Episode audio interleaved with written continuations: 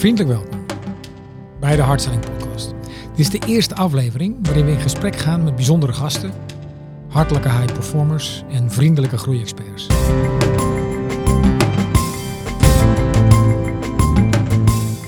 En vandaag praten we over de uitdagingen en dilemma's om vanuit het hart te verkopen en commercieel te groeien met onze gast Michel Wildeborg.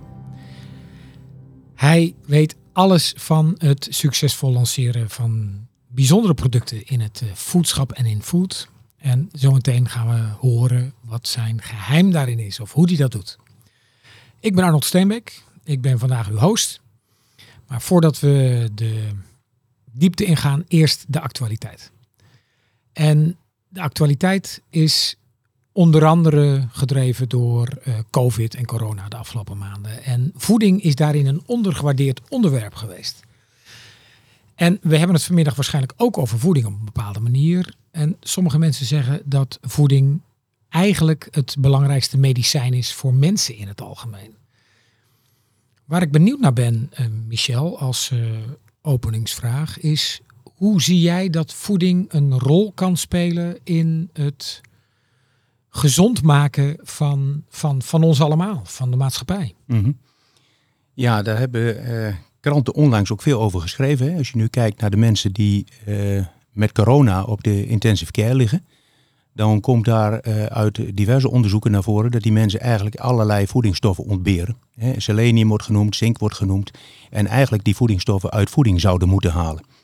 En uh, nou, dat, is, dat is direct denk ik het algemene grote probleem op dit moment, is dat mensen gewoon niet gezond genoeg eten. Mm -hmm. en, en we zien nu dat dat direct ook gelieerd is aan corona. En daar hebben wij elke dag mee te maken. Oké. Okay. En, en mee te maken is dat je er, um, je ziet het, maar is het een onderwerp van gesprek om daar een rol in te spelen of invloed op uit te oefenen? Ja, zeker. Um, in, in België is de ontwikkeling naar uh, Nutri-scores al heel erg, uh, erg bezig. Hè? Uh, Deleuze, Carrefour, de grote Belgische retailers pakken die Nutri-score nadrukkelijk op. En de Nutri-score geeft aan hoe voedzaam en hoe gezond dat product is wat je op dat moment koopt. ja, dat is iets, die beweging gaat zich ook doorzetten naar Nederland toe. Um, en is best wel een discussie binnen ons bedrijf, want wij maken van voeding ook gewoon een genotmiddel. En wij willen namelijk dat wij de beste smaak brengen aan onze producten. En dat mensen echt op sociale momenten, want dat is eigenlijk een beetje onze, onze basis van het bedrijf. Wij, wij maken vooral borrelproducten. Uh, dat mensen kunnen genieten van elkaar en van hele lekkere producten op tafel. En dan kom je gelijk tot een bottleneck, want lekker is vaak ook ongezond. Hè? Lekker is, uh, vet is lekker, suiker is lekker, zout is lekker. Uh, en dat zijn nu net allemaal ingrediënten die bij de Nutri-score niet erg hoog scoren. Hmm. Om dan toch de link te leggen naar het scoren. Want uh, we kennen elkaar al uh, een aantal jaar. En als je naar de buitenkant kijkt van jouw carrière of van wat je allemaal gedaan hebt, lijkt het alsof scoren een belangrijk onderdeel is van wat je gedaan hebt. Je bent ontzettend succesvol geweest in het lanceren van nieuwe producten, in kleine producten groot maken, bestaande teams uit te bouwen. Het commerciële vak heb je vanaf het prille begin gedaan bij een aantal multinationals.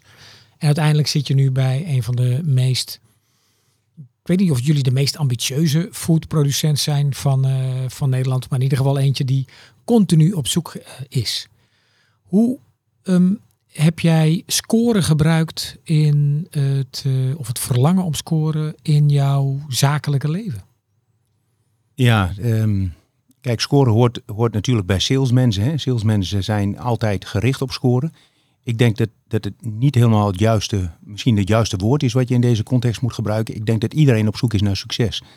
En, uh, en succes is uh, zeker in, in onze business vaak gekoppeld aan groei. En nou ja, dan komt wel weer die scoringsdrift naar voren. Maar wij zijn wel eigenlijk continu uit op groei. En op producten, om producten te lanceren die een groot publiek aanspreken.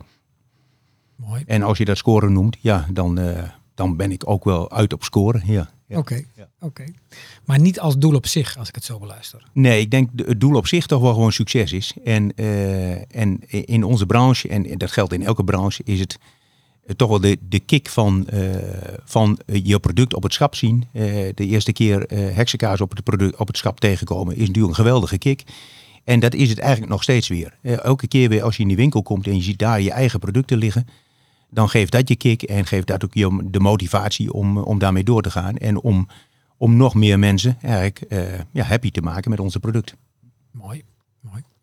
Nou, heksenkaas uh, liet je net al, noemde je net al. En het is te mooi om dat merk niet te noemen. Want jullie hebben iets met magie. Jullie hebben iets met um, heksen. En we zijn nu te gast in het, in het mooie Twente.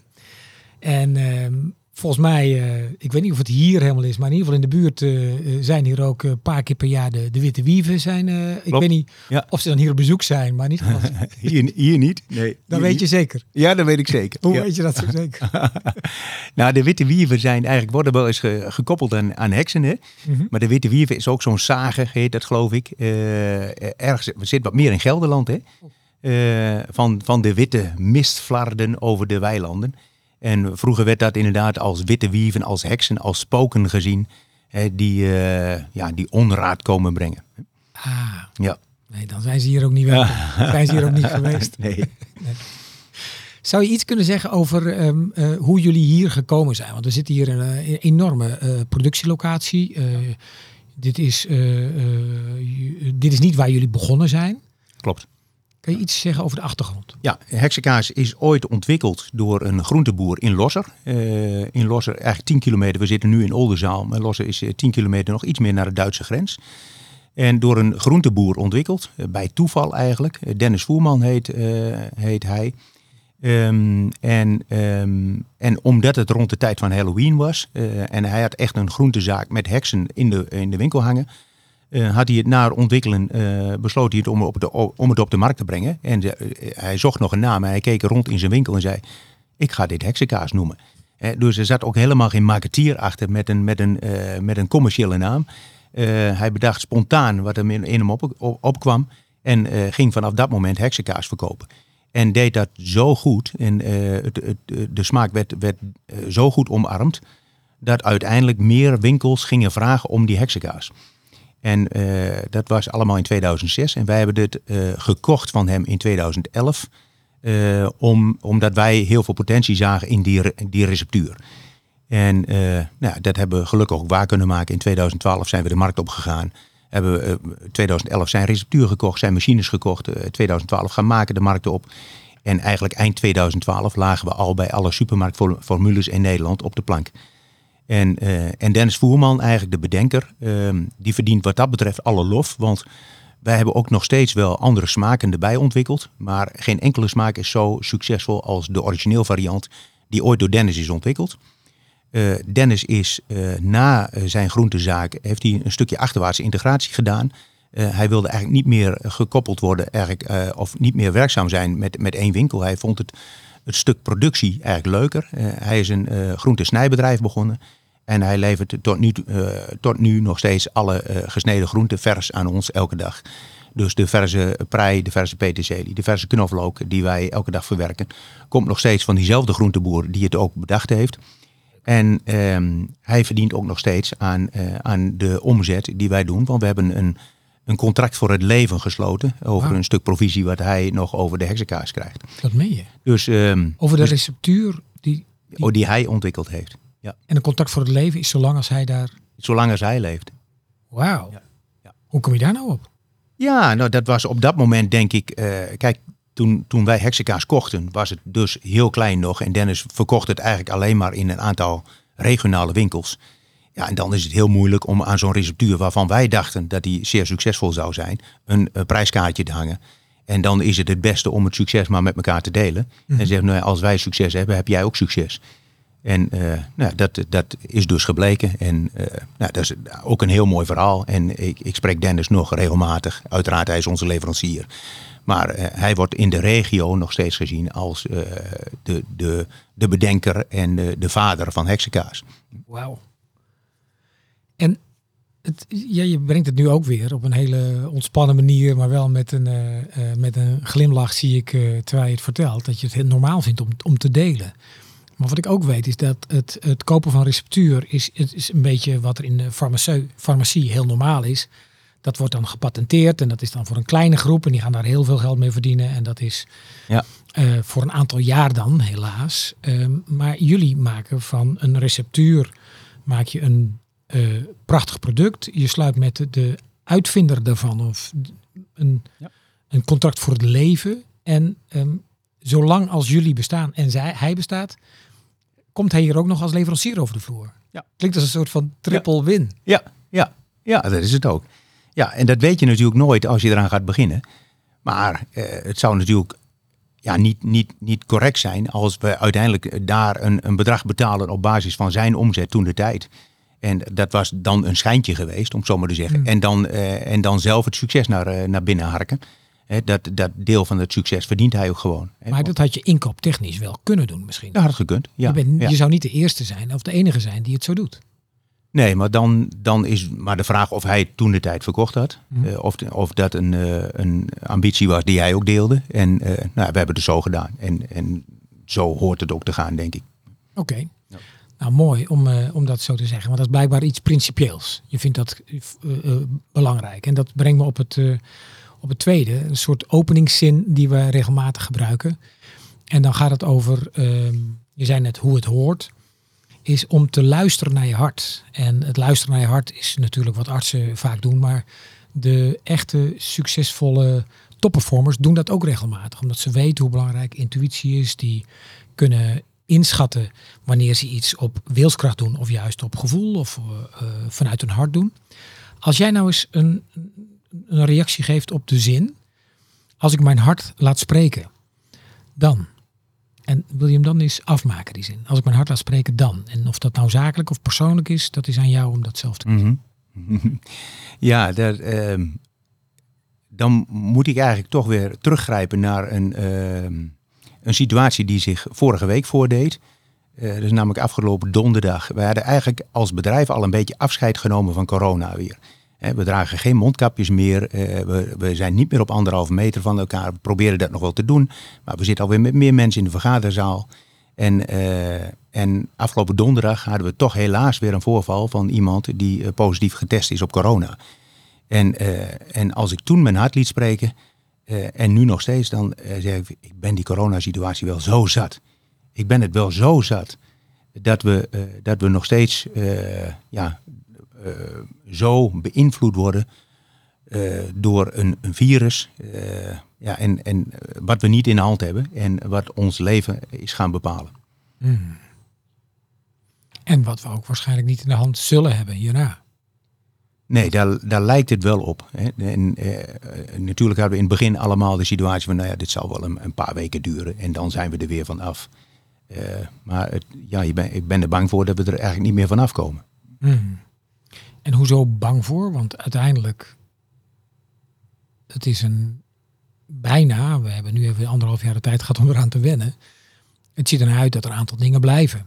Ja, ja, maar het zorgt ook wel voor, voor disruptie, vind ik. En eh, je ziet nu dat, dat, eh, ja, dat, dat de- de voorstanders en de, de, de tegenstanders van corona eigenlijk, of van, van het vaccin, het niet met elkaar eens zijn. Dat er veel discussie is over hoe de overheid hiermee omgaat.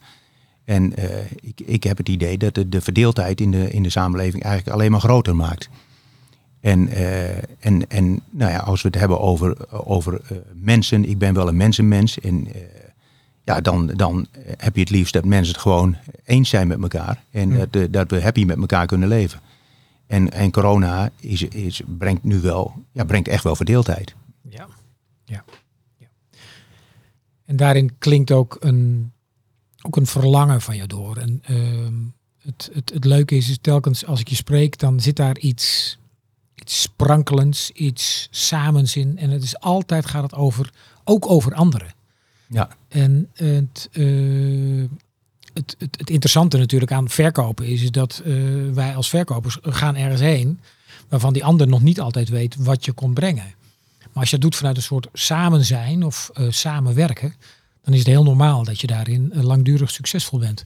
Hoe, hoe belangrijk is voor jou het, het, het samen zijn en het samen komen in, eh, in wat je hier aan het bouwen bent en wat je nog misschien wel buiten al aan kansen ziet. Ja, ja ik denk dat dat best heel vaak door, eh, door zeg maar even het management of directie van, van bedrijven vergeten wordt. Hoe belangrijk die mensen in de organisatie zijn. We hebben hier in Oldenzaal, een beetje afhankelijk van, uh, van de tijd van het jaar, tussen de 70 tot 100 mensen aan het werk.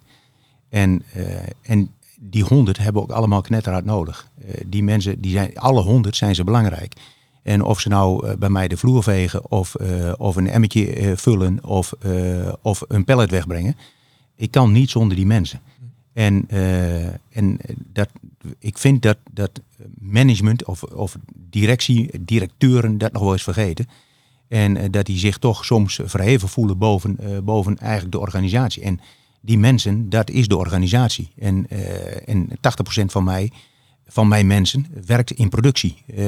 Heeft een, doet, doet een witte jas aan en gaat de productievloer op.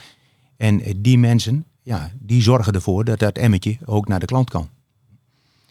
En ik, ik denk dat die mensen dat moeten voelen en moeten ervaren dat ze belangrijk zijn. En dan kunnen ze ook een stapje meer zetten. En dan zijn ze ook bereid om, uh, ja, om iets extra's te brengen voor jou, uh, maar ook voor de organisatie nou, nou extra's brengen voor, uh, voor jou en de organisatie is wat jij dus fijn vindt om dat bij hen te zien en te weten dat het daarmee het beter wordt, omdat iedereen dan zijn beste beentje voorzet. Het is ook de kritiek is niet helemaal het goede woord, maar de veel mensen vinden van management en van directie dat die altijd maar extra willen. Er moet altijd meer. Het is nooit een keer genoeg. Het is altijd maar groeien. Het voordeel daarvan, van dat groeien, is dat je daar succesvol mee kan worden. Maar als je alleen op groeien let, dan krijg je een soort van kokervisie. Dan, dan word je blind voor dat ene en dan vergeet je het andere. Als je te weinig uh, op, op groeien let, dan slaapwandel je eigenlijk. En dan uh, kan het maar zo zijn dat je op een gegeven moment uh, het licht uit kan doen omdat de laatste klant vertrokken is. Hoe hou jij het midden tussen het, het, het, het, het maximaal haalbare en het noodzakelijke? Mm dat is een goede vraag. Dan, dan weet ik eigenlijk niet hoe ik die precies moet beantwoorden vanuit mijn rol binnen Hexenkaas als, als onderdeel van Signature Food of vanuit Signature Food zelf, hè, waar wij een onderdeel van zijn, een groep van acht bedrijven, uh, private equity uh, owned. En je ziet daar wel dat, dat binnen Signature Food merk ik wel dat wij moeite hebben om die achterkant uh, van de organisatie mee te kunnen laten groeien met, met alle groeiambities, maar ook alle groeicijfers die we aan de voorkant realiseren. En Um, nou, daar, daar heb ik wel moeite mee. En, um, en ik merk dat dat, dat, dat dat binnen onze groep eigenlijk best wel een lastig onderwerp is. En, uh, en, daar zit precies dat wat jij zegt, hè, dat aan die voorkant willen we allemaal groeien. En we verwachten maar dat die organisatie meegroeit. En uh, nou, ook daar komt weer, komt weer die mensen aan de achterkant. Ja, je moet wel zorgen dat iedereen daar ook, ook in kan opschalen. En dat of het nou planning is, of factory controlling, of productie dat die ook allemaal mee kunnen met die groei aan de voorkant. Aha. Um, en dan lijkt het alsof je er nog niet uit bent. Dus je bent er nog mee bezig om uit te vogelen? Of? Ja, ik ben er voor mezelf wel uit. Uh, maar goed, ik ben daar ook nou eenmaal onderdeel van zo'n groep. En, uh, en de groep ziet dat soms nog wel een beetje anders dan ik het zelf graag zou zien. Kan je, eens, kan je, kan je schetsen, zou je dat kunnen, wat voor jou de ideale manier is om en te groeien en dat te doen samen met anderen? Um, ja, ik denk dat je altijd als, als bedrijf, als je een mooi artikel hebt, zoals wat wij hebben, dat je altijd gericht moet zijn om die maximale groei te, te realiseren. Ik vind ook dat je maximale focus moet hebben. Uh, en alleen met maximale focus uh, kun je, denk ik, uh, ook, ook je groeiambities waarmaken. Ehm, maar no, ja, nogmaals, die, daar hoort wel een organisatie bij. Mhm. En ja, ik vind het een beetje moeilijk om dat nu uit te leggen, maar daar, daar, eh, om die voorkant, die kun je inschatten, maar de achterkant moet je managen. En die moet je eigenlijk al voor die tijd gaan managen. Je moet zorgen dat je een organisatie hebt die die groei ook kan realiseren. Hmm. En um, nou, dat, dat, dat vind ik heel belangrijk. Dat ik dus zorg dat ik voldoende mensen heb op die productievloer. Dat er, uh, dat er uh, procesontwikkelaars zijn, dat er uh, productontwikkelaars zijn die allemaal hun ding tijdig af kunnen hebben om te zorgen dat wij ook die groei gaan realiseren en dat we niet achter de feiten aanlopen. Aha, dus dan zeg je eigenlijk dat het groeien kan je plannen, maar daar zit een belangrijke voorwaarde aan vast. Dat het pas tot stand kan komen als je interne organisatie en je collega's en je teams en de rolverdeling die je daarvoor nodig hebt, als die uh, op zijn plek zit en op orde is. Op orde zijn, ja. Aha. Ja. En dan kan het dus betekenen dat je misschien wel in je organisatie ziet dat er nog veel meer groei mogelijk is dan dat je dat op papier misschien of in de eh, toekomst kan realiseren. Ja. Komt dat ook voor? Ja, maar ik, ik denk dat uiteindelijk de, het doel is dat iedereen blij is met de groei die je realiseert. En als mensen dat ervaren, als mensen net zo trots zijn, als mensen in mijn, in mijn bedrijf net zo trots zijn op de, op, op net zo kicken op dat product wat je weer, dat nieuwe product wat je weer op het schap ziet, ja, dan zijn mensen ook bereid om, om daar alles aan te doen. En om, ehm, ehm, ja, om met elkaar te zorgen dat we die groeiambities ook waarmaken. Oké, mooi. Nou, nou zit er aan, aan groei zitten, zitten allerlei verschillende facetten. We hebben het hier met name over uh, organisatiegroei en dan uh, met teams. En uh, groeiende markt is een van de dingen waar jullie aantoonbaar succesvol zijn. Nou heeft er ook, er is ook een nadeel aan, aan veel groeien en hard groeien. Het kan leiden tot, tot schaarste. op weg hierheen zagen we langs de weg een enorme advertentie dat jullie meer dan 100 mensen zoeken, stond er geloof ik zelfs op. Het is, het is moeilijk om het misschien wel te doen met productiecapaciteit om dat goed in te regelen. Met misschien wel beschikbaarheid van, van alle ingrediënten. Maar het kan ook zelfs overbelasting zijn, waar ook sommige mensen nu mee bezig zijn van de planeet. Met afval of noem het allemaal maar op. Dus er zitten allemaal ook wel effecten aan groei. Maar ja, als jullie het niet doen, doet een ander het misschien wel. Hoe, hoe zorgen jullie ervoor dat je het, het, het juiste blijft doen uh, en toch het uh, doet dat het ook duurzaam is, dat het kan blijven groeien? -hmm. Ja, de, de, dan zul je toch moeten kijken naar al die aspecten die, die een rol spelen daarin. Um, terecht wat je net zegt, het billboard waar we, waarbij we 100 mensen zoeken. Dat is op dit moment wel een groot probleem. Hè. We hebben het allemaal gezien dat, er, dat er meer vacatures zijn dan werkzoekenden. En dat betekent dus dat we, dat we mensen moeten weghalen, en dat doe je niet graag, bij andere bedrijven. Eigenlijk en mensen moeten overtuigen om naar ons te komen werken en niet meer voor dat bedrijf waar ze nu zitten. Mm -hmm. uh, nou, dat kan alleen maar als je daar ook het klimaat voor schept. Hè, en niet alleen financieel, maar juist ook in werkomstandigheden en de werksfeer. nou, daar, daar doen, we, doen we alles aan om in ieder geval mensen hier zo prettig mogelijk te laten werken. Um, kijk je naar ingrediënten, kijk je naar grondstoffen. Ja, dan zullen we met elkaar steeds uh, de puzzel moeten leggen van oké, welke, hoe kunnen wij nog uh, uh, minder de aarde belasten? Hoe kunnen wij onze verpakkingen, wij gebruiken best veel plastic verpakkingen. Hoe kunnen we daar een duurzame oplossing voor bedenken? Kunnen we naar biologisch plastic? Kunnen we nog minder plastic in, in onze producten gebruiken of om onze producten gebruiken? Uh, maar het heeft steeds ook wel weer een, een nut. Uh, uiteindelijk heeft het plastic emmertje ook een doel mm -hmm. om die consument een veilig product uh, te, te, te, bieden in het hele traject van hier, van, van fabriek tot aan consument. maar het is wel onze verplichting ook om, om daar naar te kijken en te kijken of het allemaal duurzaam kan gebeuren. Dus dat is een, een spannende, continue zoektocht waarin je weet dat het altijd beter kan en dat is nog niet klaar. Je hebt er niet één of een aantal oplossingen voor. Ja, en sterker nog, je weet dat het altijd beter moet. Uh, we zullen daar met z'n allen stappen moeten zetten om uiteindelijk uh, deze aarde nog gewoon leefbaar te houden. Oké, okay. hoezo is dat dan moeten? Er zijn er ook zat die het, die, die het uiteindelijk liever overlaten of aan de overheid of aan de consument om het te kiezen, of aan anderen in het algemeen. Ja, maar ik vind dat, dat dan, dan sluit je je ogen als, als fabrikant wel. En dan, dan schuif je het probleem wel heel makkelijk naar een ander bordje. Ik vind, wij zijn een fabrikant uh, van, van, uh, van mooie borrelproducten. We hebben een paar hele sterke merken in onze portefeuille. En ik vind dat we van, ook vanuit die merken verplicht zijn om daar initiatieven te nemen die duurzaam zijn. En dat, dat zijn we verplicht aan de aarde, waarvan we producten onttrekken en die we gebruiken in onze, in onze recepturen. Maar daar zijn we verplicht ook aan onze consumenten uh, om, om toch te zorgen voor een leefbare aarde. En daar hebben uh, alle fabrikanten een zeer actieve en, uh, en een verplicht actieve rol in, vind ik.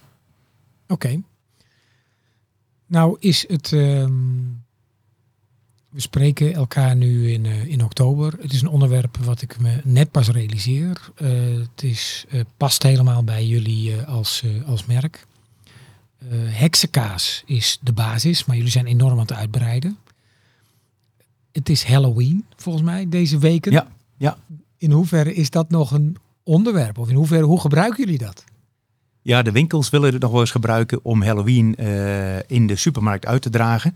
Wij doen dat eigenlijk zelf niet. Uh, aan de ene kant, wij heten heksenkaas. En aan de andere kant mijden we ook wel de heksen en de sprookjes, et cetera. Ah. Dus uh, wij, uh, wij zien wel wat activiteiten in de winkels. En daar wordt wel eens een keer een heksenmuts opgezet. En inderdaad heksenkaas in de, in de extra counter in de aanbieding gegooid. Maar wij, wij spelen zelf niet zo actief in op het thema Halloween. Um, wij kijken vooral uit nu naar de decembermaand. Want dat is de borrelmaand bij uitstek.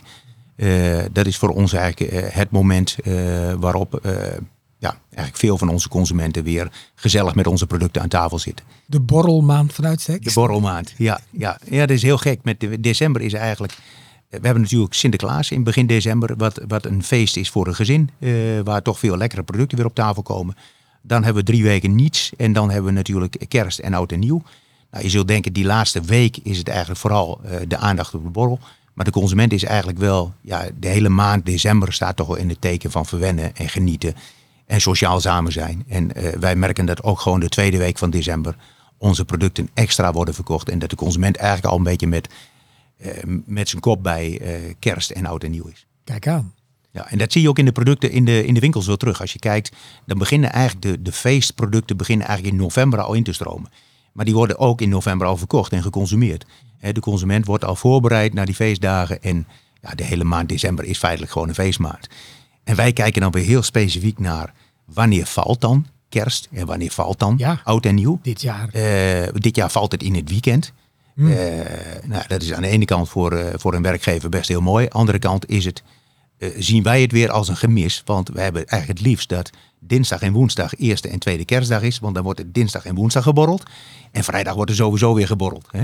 En zaterdag ook en zondag. Dus dan krijgen we ook extra borrelmomenten. Ja. En die missen we dit jaar wel.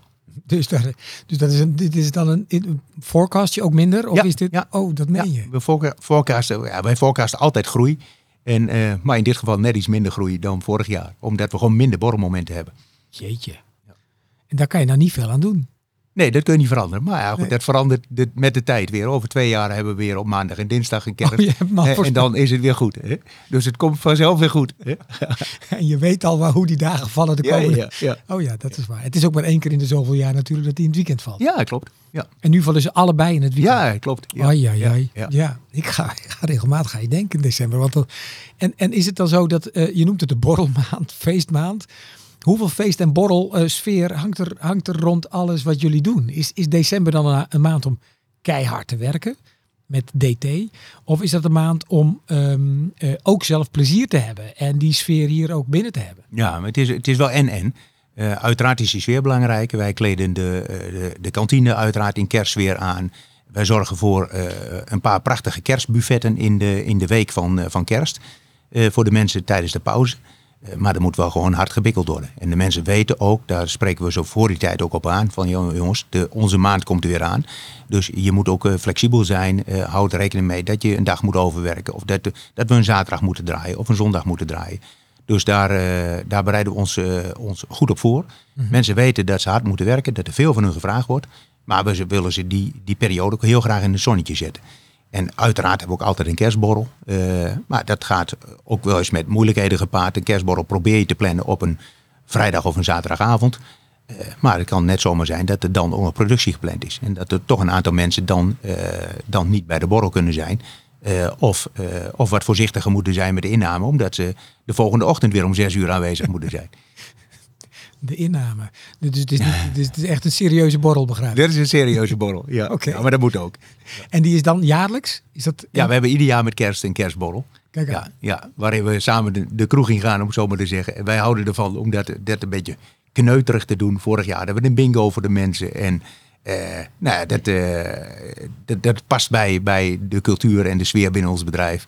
Eh, en dan, is, eh, dan gaan we met z'n, met, met z'n allen gewoon feest maken. En is, het, is dat, is dat eh, want de, de, de borrel klinkt als drinken, maar natuurlijk ook eten en hapjes en andere lekkere dingen erbij. Ja. Is dat alleen maar producten uit de groep? Nee of hoor, ko- nee. komen er ook andere dingen? Ja, ook andere, uiteraard ook andere dingen. Wij, wij zijn ook niet vies van bitterballen uiteraard en gehaktballetjes. En nee, er komen er allerlei borrelproducten op, op tafel. Ook. En dat is het ook niet alleen borrel hoor. Dan gaan we ook voor die tijd even eten met z'n allen. En. Maar dan, eh, de, feestmaand is bij uitstek ook wel een feestmaand. A, eh, er moet gewerkt worden om, om de, de, eh, de behoeftes van de consument eh, te vervullen. De vraag van de consument. Maar we, we staan daar zelf ook bij stil en maken er zelf ook een feestje van. Mooi, mooi, mooi. Nou is eh, feest is wat jullie misschien ook wel komen brengen. Jullie hebben een bijzonder product. Een product wat volgens mij makkelijk leidt tot plezier of tot een glimlach of tot een grijns.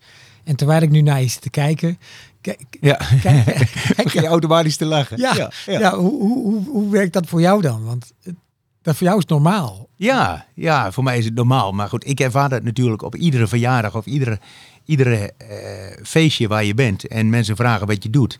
Ja, dan is het, eh, dan is het een, eh, een, een salvo aan opmerkingen en, en, en reacties. Iedereen heeft er wel een beleving bij. Dat is het mooie van voeding en het, ook het mooie van een bekend product eh, hebben. Eh, kijk, ik, ik zou geen schroeven kunnen verkopen. Hè, Want ja, wat, wat gaat mijn buurman eh, tijdens een verjaardag over schroeven vertellen?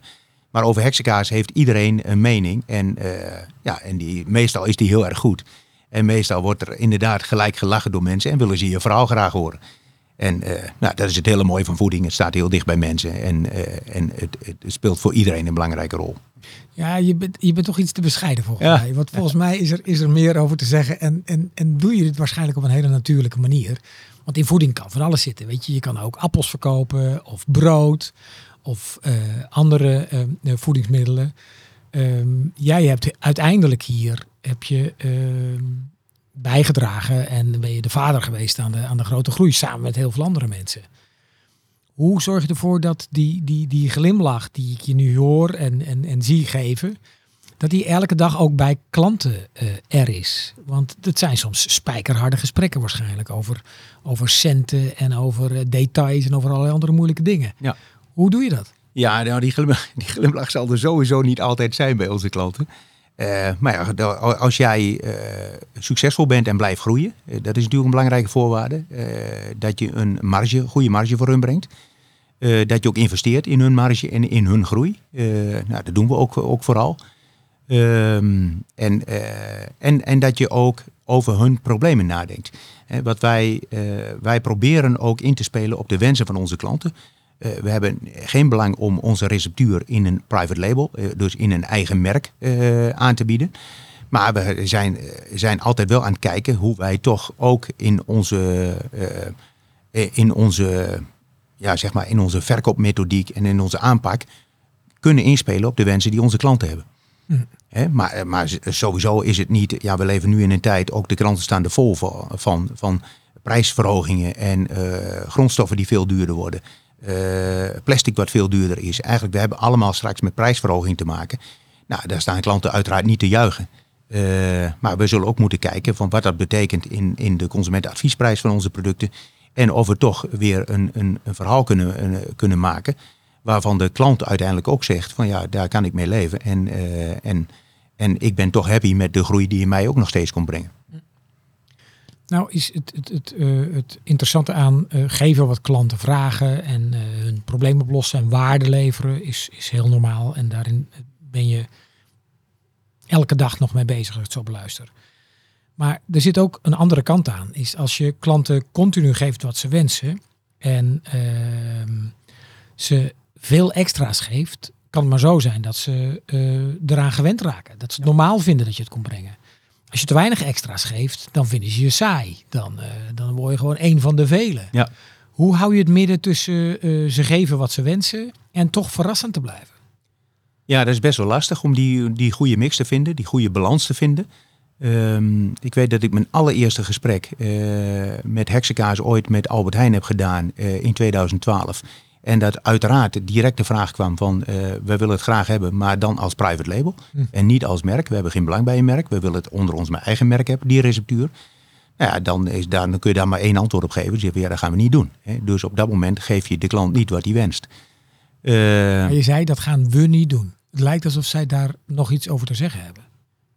Ja, in veel, in veel gevallen is, um, is de retailer is, is, je, is je afnemer. Okay. Maar het kan ook een belangrijke concurrent voor je zijn. En zeker in het segment waarin wij zitten, heeft de retailer vooral belang bij om zijn eigen, zijn eigen merk verder te ontwikkelen. Mm -hmm. En uh, het is aan, aan mij in dit geval, toen de tijd, uh, om te zeggen nee, wij gaan dit merk groot maken. Wij willen dit merk uh, bij, bij consumenten lanceren.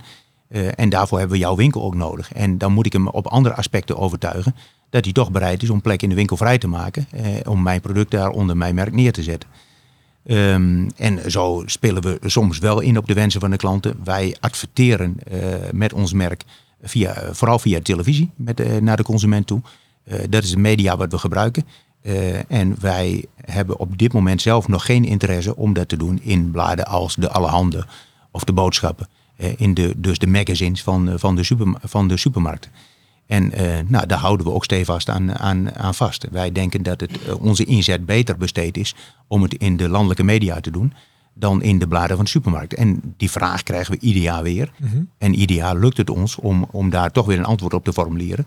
Uh, en hen te overtuigen dat, eh, dat onze inzet op dit moment voor het merk beter is dan, dan in te zetten op nou, de bladen van, van de retailers. Interessant. Je zei 2012, zei je net, dat ja. voor, voorbeeld. En dat was net nadat jullie het over hadden genomen, uh, de receptuur. En ja. dat jullie. Ja. Dus je, je begint dan bij eigenlijk toen, toen, en misschien nog wel de grootste retailer van Nederland. En dan begin je daar te pitchen met, uh, we hebben een prachtig product. En dan zeg je ook nog nee tegen ze wat ze vragen. Ja, ja. ja en dan is de, de verleiding natuurlijk heel groot om toch ja te zeggen. Want je weet wel, als je het onder eigen merk gaat invullen, krijg je in ieder geval alle winkels. Ja. Hè, krijg je, dan is de distributie is makkelijker op, op niveau te brengen. Dan weet je ook dat de klant zijn best gaat doen om die, uh, om die consument ook te overtuigen om dat product te gaan kopen. Uh, maar toch zeg je nee, omdat je, omdat je uh, ja, voor, voor jezelf hebt gesteld en, en als doel hebt gesteld om daar zelf een bedrijf van te gaan maken met een eigen gezicht naar de consument toe. En dat is, dat is best wel eens lastig. En dan, uh, uh, dan hoop je dat één van die retailers bereid is om met jouw merk aan de slag te gaan. En voor ons was dat toen de tijd C1000. De formule bestaat niet meer, maar in week 5 2012 was onze eerste levering aan C1000. Ja, en dan, dan probeer je dat succes, in dit geval toen bij C1000, uit te bouwen naar de consument toe. En probeer je groei te realiseren met je merk. En nou, toen kwam al vrij snel de reactie van andere retailers. Die toch wel zagen dat het product wel dermate onderscheidend en anders was. En, en daarmee ook succesvol was. En dan komt er automatisch wel weer vraag van de retailers en zegt dan, dan maar onder merk. Hm, mooi. Maar in, in vers is het heel gebruikelijk dat veel versproducenten en we hebben zelf ook een aantal vestigingen binnen, een uh, aantal bedrijven binnen Signature Food, mm -hmm. die geen merk hebben, maar die vooral private label maken. Oké. Okay. Ja. Maar jij hebt er heel bewust voor gekozen om het merk te, te, te bewaken, te bewaren, te houden. Ja. En uh, dat ja. als basis te nemen. Ja. En je noemde net even, dus denk mooi om als anekdote nog even te noemen. Je noemde net al even receptuur in de farmaceutische industrie, het beschermen van receptuur. Wij hebben ook getracht over onze smaak konden beschermen. Oh ja. Dus niet de receptuur. Receptuur is eigenlijk niet zo, niet zo belangrijk. Want op het moment als je zegt van, ik noem maar even wat, bij mij zit 10 gram peterselie in. Ja, dan gaat het product echt niet zoveel anders smaken als je er 11 gram in stopt. Uh, en, maar dan heb je al wel een andere receptuur. Uh, dus dan is de receptuur nog niet zo maatgevend voor, uh, om, om vast te leggen. Maar de smaak is wel iets wat we hebben geprobeerd ooit in twee jaar geleden eh, in, en dat heeft tot het Europese Hof in Luxemburg gebracht, om smaak auteursrechtelijk te beschermen. Interessant. En ik vind nog steeds dat eigenlijk is een smaak van een product is eigenlijk ook een uiting van een kunstenaar. In dit mm. geval is dat de kok. of, en, en, of nou een schilder maakt een mooie schilderij en een ontwerper maakt een, een nieuw design voor een stoel of voor een bank of voor welk meubelstuk dan ook. Die kunnen dat allemaal beschermen, auteursrechtelijk. Uh, en, uh, en een kok kan eigenlijk zijn, zijn creatieve vinding niet mm. auteursrechtelijk beschermen. Nou, dat is eigenlijk, eigenlijk wel heel gek. Dat, dat iedereen zomaar een mooie smaakcreatie van willekeurig welke kok zomaar mag namaken. En jullie, zijn jullie, is het klaar? Is het na de Europese Hof geen Het is klaar. We hebben, we hebben geen gelijk gekregen. We hebben Hmm. smaak niet kunnen beschermen. Eh, maar het heeft het, eh, wat ik zeg, tot het Europees Hof gebracht. En wij zijn ooit de enige smaakfabriek, enige eh, levensmiddelenfabrikant geweest die dit ter discussie hebben gebracht. Dus eh, Hmm. ja, het, het is wel een heel interessant, eh, interessant issue. En, en de grote vraag is, het is ook nog helemaal niet zo dat er een uitspraak geweest is dat het niet kan. Maar er werd veel meer over gediscussieerd van hoe ga je dat dan, hoe ga je dat dan bepalen? Mhm. Hoe ga je, kijk, als je een, een Mondriaan, iedereen weet hoe Mondriaan schildert. En eh, als je een Mondriaan aan de wand hangt, dan kun je snel een schilderij ernaast hangen. En dan kun je zelf zien van, ja, hey, dat lijkt wel erg veel op een Mondriaan. Volgens mij is die nagemaakt. Hè? Dat mag auteursrechtelijk niet. Nou, bij smaak is dat best heel moeilijk. Hè? Hoe, hoe smaakt iets? Ja, ga jij maar vertellen hoe een rode wijn smaakt. Mhm. Ja, daar zijn hele dikke boeken over Dus, geschreven. en dat is, En- het is bijna niet vast te leggen. Eh, maar het is wel een heel interessante issue. eh, want ja, eigenlijk is het gewoon een creatieve uiting van een kok.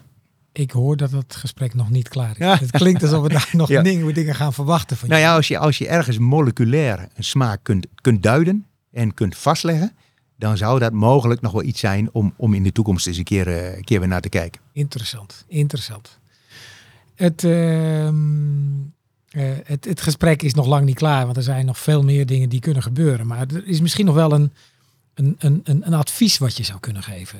Eh, dus stel dat jij het eh, de luisteraars makkelijk kan maken. Je hebt allerlei dingen meegemaakt, zijn dingen meegevallen, zijn dingen tegengevallen. Je hebt dingen die zijn leuk eh, geweest, zijn dingen lastig geweest.